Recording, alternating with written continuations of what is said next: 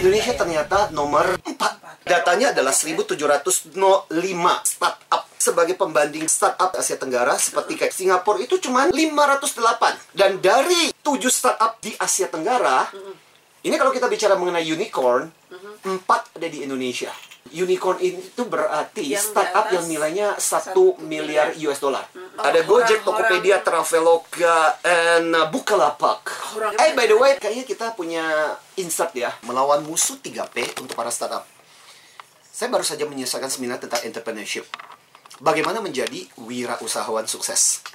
Dalam seminar itu beberapa peserta yang rata-rata milenial ini menanyakan bagaimana mempersiapkan diri menjadi wirausaha.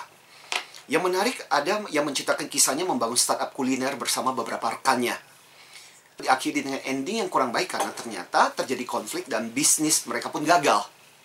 Biaya terlalu tinggi hanya gara-gara banyak rekannya yang gengsi membuat startup di tempat yang lumayan mewah.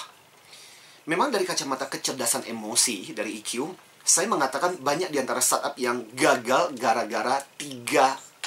Pride, pleasure, sama persisten.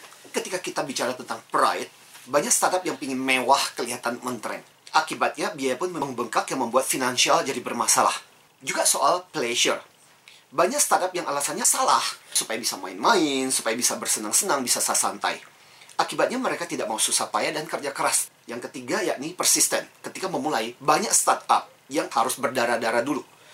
Kalau tidak memiliki kegigihan, maka pada saat gagal akan ada banyak yang angkat tangan. Lalu ada yang pindah ke startup lain, bahkan ada yang memilih bekerja di perusahaan dengan gaji besar. Ingatlah waktu Steve Jobs memulai, ia memulai dari garasi. Ia tidak gengsi, ia pun bersedia membayar dengan ongkos kerja siang dan malam. Bahkan kehidupan personal dikorbankan. Begitu juga Mark Zuckerberg, Facebook. Ia harus banyak melawan cibiran, juga hubungan pertemanan yang sempat bermasalah. Tapi ia persisten. Maka penting bagi startup untuk selalu berpikir, jangan gengsi dulu. Sukseslah dulu, maka kamu akan bergengsi. Begitu juga jangan pikirkan fun dan santai-santai. Kalau mau fun, kerjalah di tempat hiburan. Tapi ketika kamu sukses, banyak fun yang bisa kamu nikmati. Begitu juga, jangan sampai satu masalah kecil Oke. membuat kamu kalah. Semua pada waktu ketika membangun startup, kepikirannya adalah suatu ketika Iya. ini bakal jadi unicorn. Tapi tingkat kegagalannya itu kan tinggi banget. Satu keberhasilan mungkin berapa jumlah yang bertumbangan. Itulah challenge-nya. Jadi kadang-kadang ada mimpi, ada mispersepsi, ada juga mitos di seputar startup yang saya perlu ceritakan. Kalau kita bicara mengenai startup, jadi banyak yang kemudian berpikir, kalau startup sukses, wah, investor masuk, kemudian kita tinggal ongkang-ongkang kaki. Itu bisa mitos. Bahayanya adalah kemudian kita hidup di awang-awang dengan mimpi sehingga kadang-kadang ini menjadi nggak realistis. Mitos yang lain mulai dari garasi, tempat tidur, kos-kosan. Kemudian banyak pikir gini, kantor startup itu kan banyak mainan. Ini mau kerja apa main? List deh. Startup means business. Fun belakangan. Fun harus menjadi bagian itu. Yes. Tapi jangan kemudian sampai tercampur aduk. Kemudian startup itu ibarat bakar duit. Nah bahayanya kemudian kita berpikir kalau begitu rugi nggak apa-apa. At the end, ujung-ujungnya harusnya memberikan keuntungan. Untuk membangun sebuah bisnis, kita paling nggak butuh empat kecerdasan. Yang pertama-tama adalah kamu harus punya IQ bisnis. Tapi IQ itu hanya pengetahuan. Nggak cukup. Perlu juga adalah yang namanya kecerdasan spiritual. Kali ini kita bukan bicara mengenai agama, tapi tujuan mulia kenapa kamu mengadakan bisnis itu. Ada satu pembicara yang sangat terkenal di Amerika namanya Lisa Erle McLeod. Jadi dia menulis buku yang judulnya adalah Selling with Noble Purpose. Dia cerita, jadi kalau kamu jualan, bikin bisnis, mesti ada tujuan mulia. Dia mengatakan visi dari sebuah bisnis bukan untuk mendapatkan uang. Visi dari sebuah bisnis adalah untuk membantu dan menolong orang.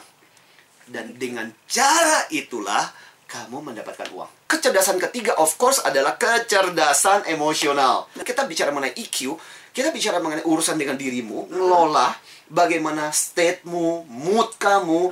Karena kan startup bisa jadi nggak langsung sukses, hanya dalam waktu 6 bulan kemudian melayang. Butuh waktu, kadang-kadang bisa sampai 3 tahun nggak balik modal. Gimana cara kamu bertahan? Itu butuh kemampuan yang luar biasa. Berurusan sama orang lain, sama partner kerja, yang kepentingannya berbeda-beda, sama investor, sama pelanggan juga kadang-kadang rewel banget. Nah, kecerdasan keempat adalah adversity quotient, of course. Apa itu? Kecerdasan untuk menghadapi tantangan kesulitan. Kamu kan butuh karyawan juga, karyawan emang dibayar pakai daun, pakai kertas, kagak. Kamu mesti menghasilkan. Nah, itu yang kadang-kadang butuh kecerdasan adversity. Mari kita bicara mengenai tujuh hal kenapa kamu butuh EQ. Satu kan karena biasanya startup kan nggak sendirian. Kita ngelola perbedaan. Kedua adalah kamu perlu maintain mood kerja. Seorang yang profesional adalah seorang yang tidak membiarkan moodnya mempengaruhi kinerja dia. Kamu kerja di kantor, masih ada bos yang, ayo dong, kerja dong, gimana sih?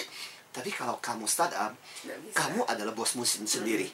Kemudian butuh IQ juga kenapa? Karena kita harus memprioritaskan antar kerja dan hubungan juga manage stress dong. Tekanan pekerjaan, kita mesti bikin ini, bikin itu. Kemudian yang juga penting adalah manage expectation, mengelola antara harapan dengan realita. Harapannya dalam waktu tiga tahun balik modal. Boro-boro balik modal. Mesti kepikir gila bisa lima tahun lagi.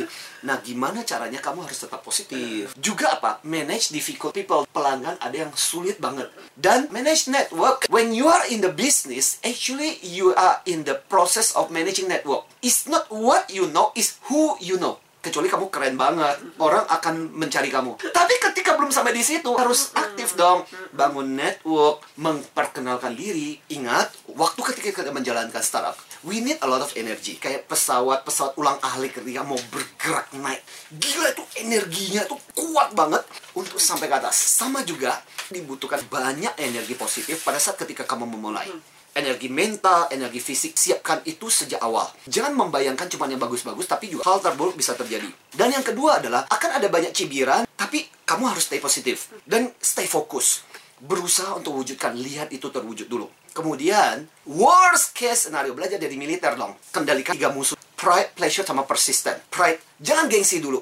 Please, ketika kamu sukses, kamu akan bergengsi. Jangan selalu berpikir bahwa, eh kita startup kita mulai dengan kios yang bagus, tempat yang mewah. Please don't. Karena kosmo akan jadi tinggi banget. Terapkan yang namanya high order thinking. Jadi pada saat ketika kamu berantem, ingat bukan berantem yang penting, bukan menang kalah yang penting. Tujuan bisnisnya itu yang lebih penting. Dan terakhir, tips terakhir adalah keep your dream and feel your success.